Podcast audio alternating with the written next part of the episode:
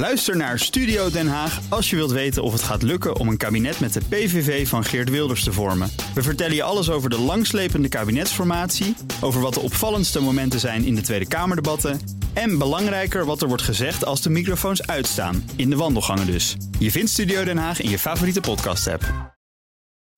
BNR Beurs wordt mede mogelijk gemaakt door Bridge Fund. Make money smile. BNR Nieuwsradio. BNR Beurs. Wesley Weert. Yes, je bent er weer een nieuwe week en dus een nieuwe aflevering. Het belooft een drukke en vooral spannende week te worden. Want de Europese Centrale Bank die gaat vertellen of ze nog een renteverhoging, of die er nog aankomt, in tiende op rij, of niet. Maar ook op deze maandag, 11 september, was er een uh, hoop nieuws. Nieuws dat ik ga bespreken met Justin Blekemolen van online broker Links. Hallo Justin. Hey, goedenavond. Goed dat je er bent. En de week begint met een voorzichtige start van de AX. Die komt niet van zijn plek en eindigt onveranderd net onder de 739 punten. Het aandeel Adyen, dat brokkelt wel verder af, verliest 2,6 procent. En sinds het winstalarm een maand geleden staat dat verlies al boven de 50 procent. Am, Instacart en Burgerstock. Allemaal krijgen ze binnenkort een miljardennotering op de beurs. En bij allemaal was er belangrijk nieuws over een aanstaande beursgang. Je hoort daar zo alles over, want ja, het is echt wel reden om te blijven luisteren. Belangrijke beursgangen ook, maar er gebeurde meer. Ander belangrijk nieuws. Justin, wat viel jou op? Ja, zeker nou in aanloop naar het uh, rentebesluit van de ECB... kwam de Europese Commissie vandaag eigenlijk uh, met somber nieuws. Want uh, de groeiprognoses voor de hele eurozone... werden eigenlijk neerwaarts bijgesteld voor dit jaar. Eerder ging men nog uit van een groei van 1,1 procent. Nou, dat wordt nu naar verwachting 0,8 procent. En de Duitse economie ja, die stevend zelfs af op een krimp van 0,4 procent dit jaar. Ja, en daarmee zal het mogelijk de enige grote Europese economie worden die uh, dit jaar krimp laat zien. En, en waarom zijn die vooruitzichten zo somber? Nou, onder andere door de, door de Russische invasie uh, in Oekraïne. Hierdoor moest bijvoorbeeld Duitsland uh, ja, nog steeds een af, afhankelijkheid van Russisch gas echt afbouwen. Dit zorgt er natuurlijk voor dat de Duitse economie vermoedelijk dit jaar een kleine krimp gaat laten zien. Omdat ja, toch wel veel bedrijven hun activiteit hebben moeten afbouwen in Rusland. Ja. Dit zorgt voor minder export en dus ja, minder economische groei. En uiteraard, het gevolg daarvan is natuurlijk ook hogere gas- en energieprijzen die we gezien hebben. Nog steeds op zich staan zij relatief hoog dan voor de uh, inval in uh, Oekraïne. Zeker. En uh, ja, dus die hoge inflatie is dan ook zeker een reden. Dat zegt ook de, ja, de Europese Commissie. Omdat ja, daardoor zien we toch echt wel de binnenlandse vraag iets afzwakken. De consumenten gaan toch echt wel beginnen nu echt wel de hand op de knip te houden. Omdat ja, de prijzen blijven stijgen. En jij legde net ook al de link met de ECB. Die rentevergadering is later deze week op donderdag. Welke impact hebben deze economische cijfers nou op dat rentebeleid? Nou ja, dit zijn dan wel zeer recente cijfers. Ik denk dat het besluit uh, misschien al wel uh, genomen is. Maar ja, als de vooruitzichten steeds somberder worden... Ja, dan wil de ECB mogelijk wel voorkomen dat uh, de economie echt in een recessie belandt. Maar aan de andere kant kan je natuurlijk wel stellen... die mindere, die lagere economische groei... ja, zal ook de inflatie doen zakken. En dat is natuurlijk het belangrijkste doel van de ECB... om die inflatie omlaag te krijgen. En die tiende renteverhoging, gaat die er nog komen? Ja, waarschijnlijk wel.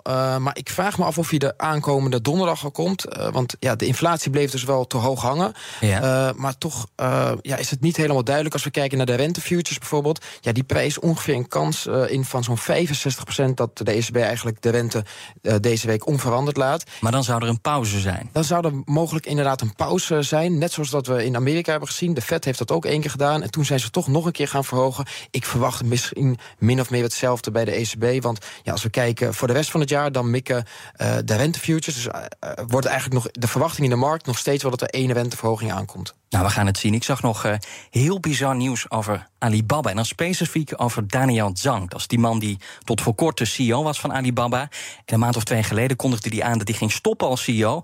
En de cloud-tak van Alibaba gaat leiden. Dat is een belangrijke tak, want er zijn ook plannen om die cloud-divisie apart naar de beurs te brengen. En dan denk je, ja, niks aan de hand. Maar nu vertrekt Zhang ook daar abrupt. He has decided to quit. This is coming via an internal memo seen by Bloomberg News. The reason he's leaving the division, that part is a little bit unclear, but as I said, he did assume that post after ceding his dual roles of chief executive officer and chairman. Ja, Zhang blijft wel deel uitmaken van Alibaba, maar dus niet in die cloud-divisie. Hij gaat een uh, nieuw tech-investeringsfonds leiden. 1 miljard dollar is, uh, zit er in dat fonds. Dus uh, ja, hij blijft wel iets verbonden aan Alibaba, maar dus wel op een heel andere plek. En hopelijk blijft hij daar dus iets langer dan, uh, ja, het is. Het is wel opmerkelijk inderdaad. Maar je ziet wel vaker uh, vage verschuivingen in, in het Chinese bedrijfsleven. En bij Alibaba is natuurlijk ook een aantal keer voorgekomen. Maar ik vind het weer opmerkelijk. Het, het geeft wel een beetje aan dat er wat onrust binnen het bedrijf is. Denk ja, ze wilden ook verder er niks over loslaten. Er was geen reden genoemd in ieder geval.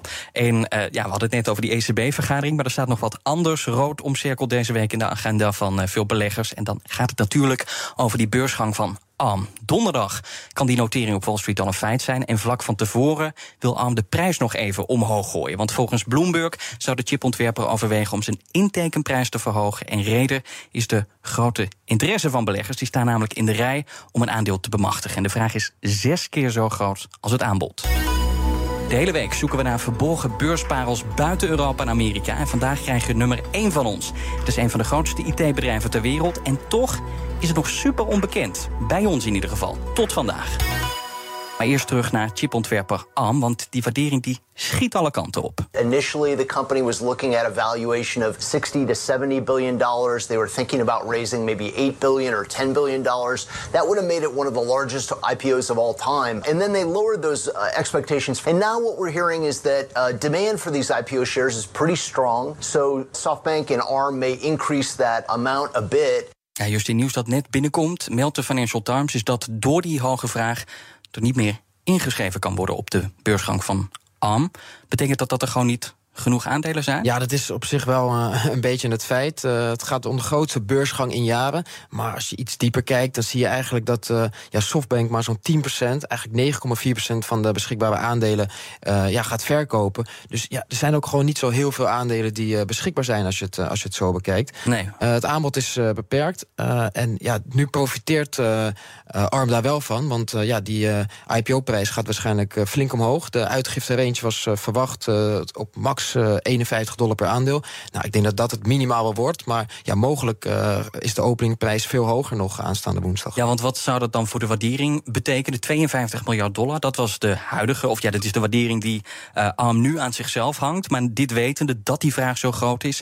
ja, vijf of zes keer groter dan, dan de, de, het aanbod. Wat betekent dat dan voor die waardering van 52 miljard? Ja, inderdaad. Zo'n 2 à 54 miljard zou het waard zijn als het op 51 dollar per aandeel naar de beurs gaat. Uh, het kan natuurlijk ook zijn dat het bijvoorbeeld voor 55 of 60 dollar per uh, aandeel naar de beurs gaat. Maar dat het aandeel uiteindelijk nog veel hoger opent. Dus wat de echte waardering wordt, dat moeten we woensdag uh, voor afwachten. Denk je dat dat het geval is? Dat die veel hoger nog gaat openen? Ik, ik, denk het wel. Ik denk dat we echt richting die 60 dollar per aandeel gaan.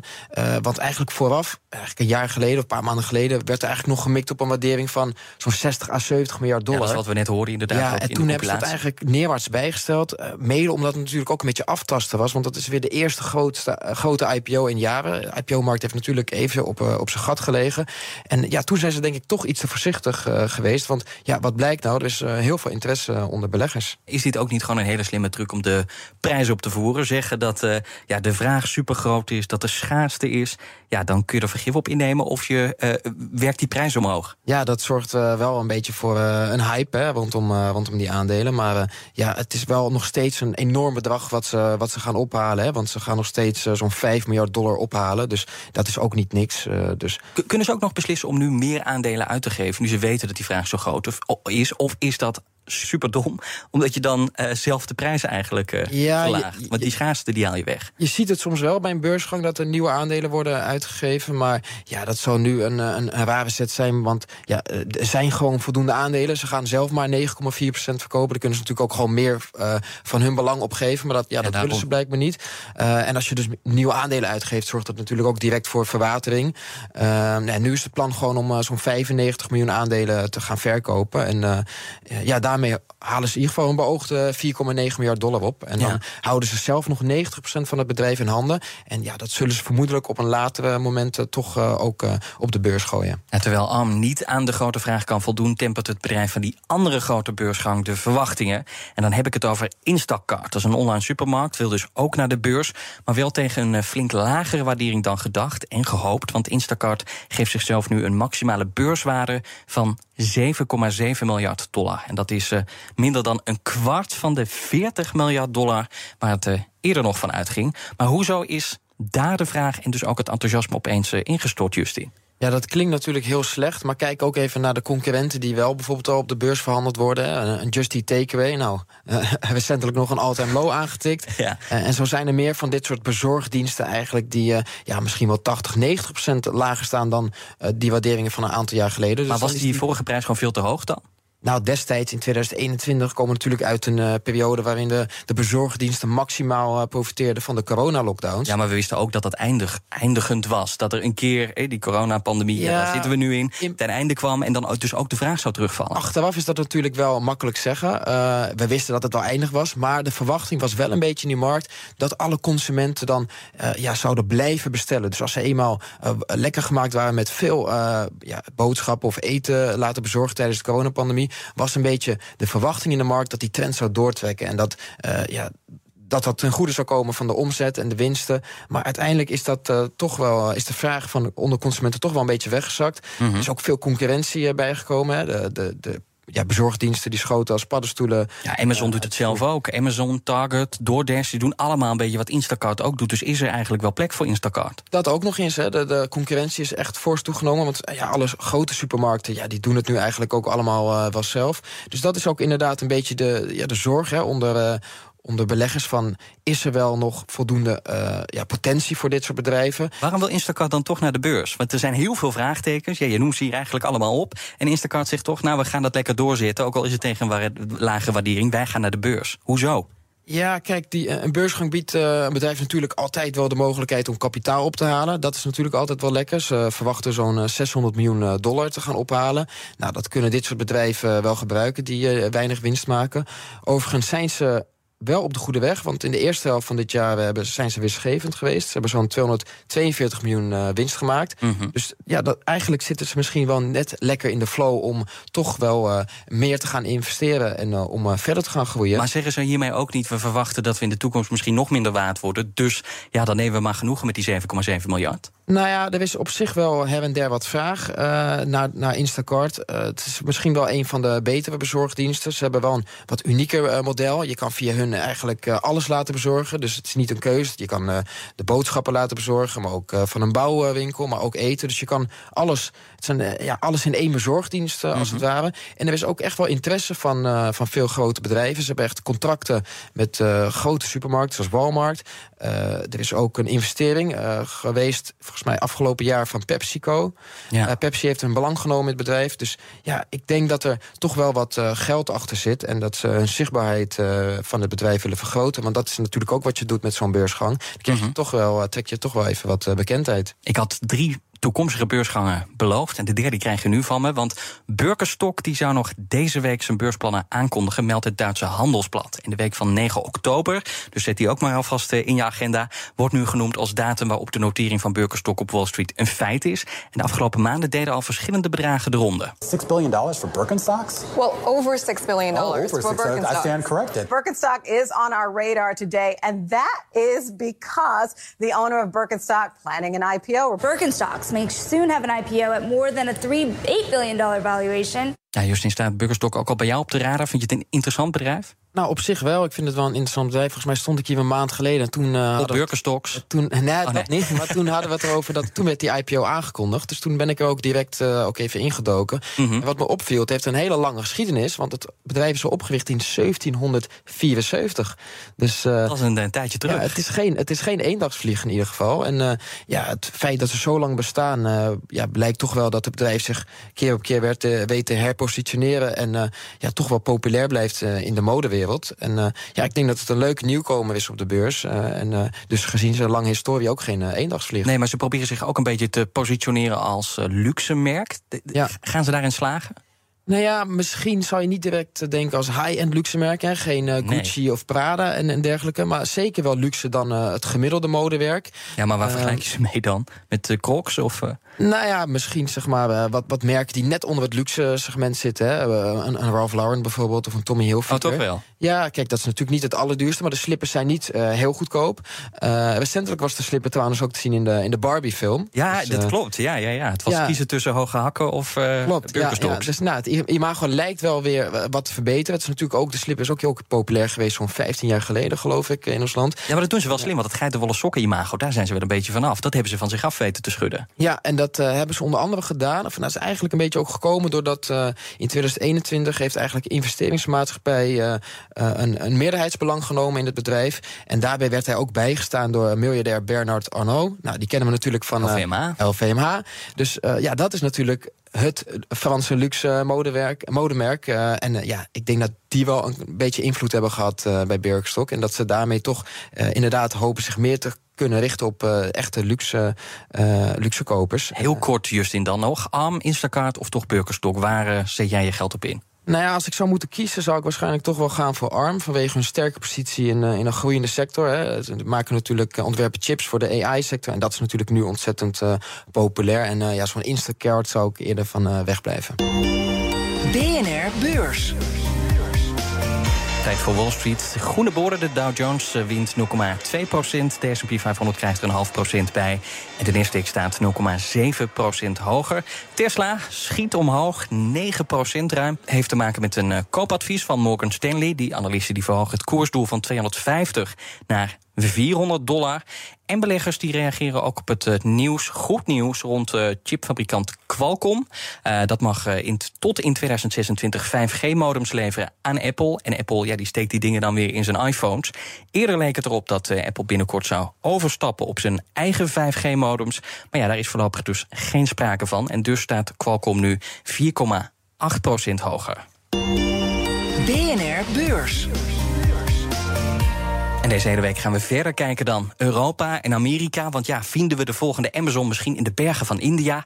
Of ontdekken we de volgende Apple in de wouden van Brazilië? Vijf dagen lang hebben we het over aandelen uit opkomende economieën met een glansrijke toekomst. En ja, en zijn dus ook aandelen waar veel mensen misschien nog nooit van gehoord hebben. Bedrijven die we niet kennen. En Justin, wat heb jij meegenomen? Nou ja, veel beleggers kijken al snel naar China. Maar uh, mijn tip is om eigenlijk naar India te kijken. Want uh, ja, met een bevolking van meer dan 1,4 miljard mensen is dat goed voor zo'n 17% van de wereldbevolking. En ja, je hebt daar echt gewoon een sterk groeiende middenklasse, uh, snelle technologische ontwikkelingen. Mm -hmm. En ja, ik denk dat dat echt kansen biedt voor beleggers. En welk bedrijf van specifiek? Ja, ik heb dan uh, inderdaad even gekeken, want ik moet er wel bij zeggen, het is niet mogelijk voor Nederlandse beleggers, eigenlijk voor buitenlandse investeerders, om direct in Indiaanse aandelen te beleggen. De markt, de aandelenmarkt is eigenlijk alleen maar beschikbaar voor inwonenden in India. Okay. maar je kan natuurlijk wel, als je breed in India wil beleggen, een, een, een ETF uh, nemen. Maar er zijn ook een handjevol aandelen die uh, ja, eigenlijk via een ADR worden verhandeld op de Amerikaanse beurs. En één daarvan is Infosys. En uh, ja, dat is eigenlijk een, uh, een van de wereldleiders uh, op het gebied van IT-diensten. En dan met name consultancy. Ja. ja, ze bieden allerlei IT-oplossingen. vooral voor zakelijke klanten. ze geven technologieadvies. IT-outsourcing. En uh, ja, tegelijkertijd biedt natuurlijk uh, onderwerpen als digitalisering en, uh, en cloud computing. Ja, dat is natuurlijk, biedt veel kansen voor zo'n bedrijf. En, en, met welk bedrijf kan ik het een beetje vergelijken? Met welk bekend bedrijf? Capgemini bijvoorbeeld, ja. ja is ook een consultancybedrijf. Ja, ja zo'n bedrijf kan je het mee vergelijken. En Um, ja, in India is er dan wel echt, zie ik, meer kansen vanwege de ja, demografische voordelen bijvoorbeeld. De gemiddelde leeftijd uh, in uh, India is onder de 30 jaar. Mm -hmm. Daarmee is het de jongste bevolking uh, ter wereld. En ja, dit jonge en steeds beter opgeleide personeel biedt gewoon kansen voor economische groei. En, maar waarom dan ook specifiek deze sector en dit, dit bedrijf? ze doen iets met tech, ja, ik snap dat daar groei in zit. Ja, maar ja, goed, er zijn misschien nog wel tien of twintig andere spelers die, ja, die hetzelfde dit, doen. Dit is wel een, dit van de, een van de grotere spelers. Uh, echt een hele bekende merknaam in India. Ze hebben ook meer dan 240.000 uh, werknemers. Het is wel een grote jongen hoor. Ze zijn 74 miljard dollar waard ongeveer. Dus, um, maar ja, ik denk dat dit bedrijf met zijn sterke merknaam en uh, ja, kan, kan blijven profiteren van die toe, toenemende uh, digitalisering. Mm -hmm. uh, zijn natuurlijk ook wel risico's. Hè, want kijk, India staat bekend om het personeel dat natuurlijk heel goed is in de IT-wereld. Maar ja, misschien vormt ChatGPT en, en dat soort AI ook wel weer uh, ja, risico's voor zo'n bedrijf. Ja, waarom? Um, nou, omdat uh, dit soort taken dan in de toekomst misschien uh, overgenomen kunnen worden door, door robots. Ja. En, ja, nu zijn dat nog veel Indiërs die ja, hiervoor ingehuurd worden. En je had het net over volgens mij een waardering van 70 miljard, klopt dat? Ja, ze zijn al 74 miljard dollar waard. En, en hoe- hoeveel potentie zit er nog in? Hoeveel kan dat allemaal nog omhoog? Kun, kun je er een beetje geld aan verdienen als je het nu koopt? Nou, ja, ik denk dat het een, eh, een, een, een, een stabiele speler is. Het is niet een aandeel dat eh, keer 10 gaat, bijvoorbeeld. Maar eh, ja, in de afgelopen vijf jaar stond het gemiddeld op zo'n koers-winstverhouding van zo'n 5 à 26. Nou, voor het lopende boekjaar rekenen ze op een omzetgroei van zo'n 4 tot 7 procent. Dat is wel iets lager dan, dan ze, waarmee ze eerst groeiden. Eerst groeiden ze zo'n, zo- met zo'n 10 procent Dat per komt nog jaar. niet door ChatGPT. Nee, ja, onder andere gewoon door een toch wat terugvallende economische groei wereldwijd eigenlijk. Ja. Eh, eh, maar met een verwachte netto winst van 3 miljard dit jaar en 3,4 miljard eh, het volgende jaar, ja, dan, dan is de waardering toch wel wat lager. Dan spreek je over zo'n 21 keer de verwachte winst volgend jaar. Ja. Nou, dat is dan iets onder het gemiddelde hè, van de afgelopen vijf jaar. Dus dan denk ik dat er toch wel wat ruimte voor eh, groei zit in het aandeel. En dan, ja, als je teruggaat naar die andere gemiddelde waardering van de afgelopen vijf jaar, dan, ja, dan heb je toch wel over een stijging van zo'n 20 à 30 procent van het aandeel. Heb je het aandeel zelf al? Ik heb dit aandeel eh, niet zelf in bezit. Nee. En waarom dan niet? Ja, ik heb vandaag eigenlijk eh, een Indiaas aandeel Nou, eh, uit- uitgezocht. ik, ik heb er wel, eh, ik, ik neem hem zeker in overweging. Ja. Een Apple-event en een rechtszaak voor Google. Er gebeurt er een hoop morgen en je hoort beurscollega Danielle Kastelmans. De Amerikaanse rechtszaak tegen Google gaat van start. En het gaat om een van de grootste in zijn soort. Het gaat over de macht van de zoekgigant. Verschillende staten hebben het bedrijf aangeklaagd omdat Google zijn marktmacht zou hebben misbruikt. En daar willen die staten een einde aan maken. Ook houdt die andere machtige techgigant, Apple, een event. En tijdens dat event presenteert Apple zijn nieuwste producten. En er staat veel op het spel. De iPhone is Apples belangrijkste product, maar even niet de grote verkoophit als waarop ze hoopten. De verkopen vallen namelijk tegen en dat komt door de hoge inflatie. Vorige week nog maakte het aandeel Apple een kleine smak op de beurs. Dat gebeurde na geruchten dat de Chinese ambtenaren hun iPhones niet meer op het werk mochten gebruiken. Genoeg nieuws dus en dus genoeg reden om ook morgen, eh, woensdag, donderdag, vrijdag... en de rest van je leven te blijven luisteren naar BNR Beurs. Dit was hem, de eerste van de week. Dank je wel, Justin Blekemolen van Online Broker Links. Jij bedankt voor het luisteren, geniet van je avond... en hopelijk luister je morgen weer. Tot dan. BNR Beurs wordt mede mogelijk gemaakt door Bridge Fund. Make money smile. Ook Bas van Werven vind je in de BNR-app. Ja, je kunt live naar mij en Iwan luisteren tijdens de ochtendspits. Je krijgt een melding van Breaking News. En niet alleen onze podcast Ochtendnieuws, maar alle BNR-podcasts vind je in de app. Download nu de gratis BNR-app en blijf scherp.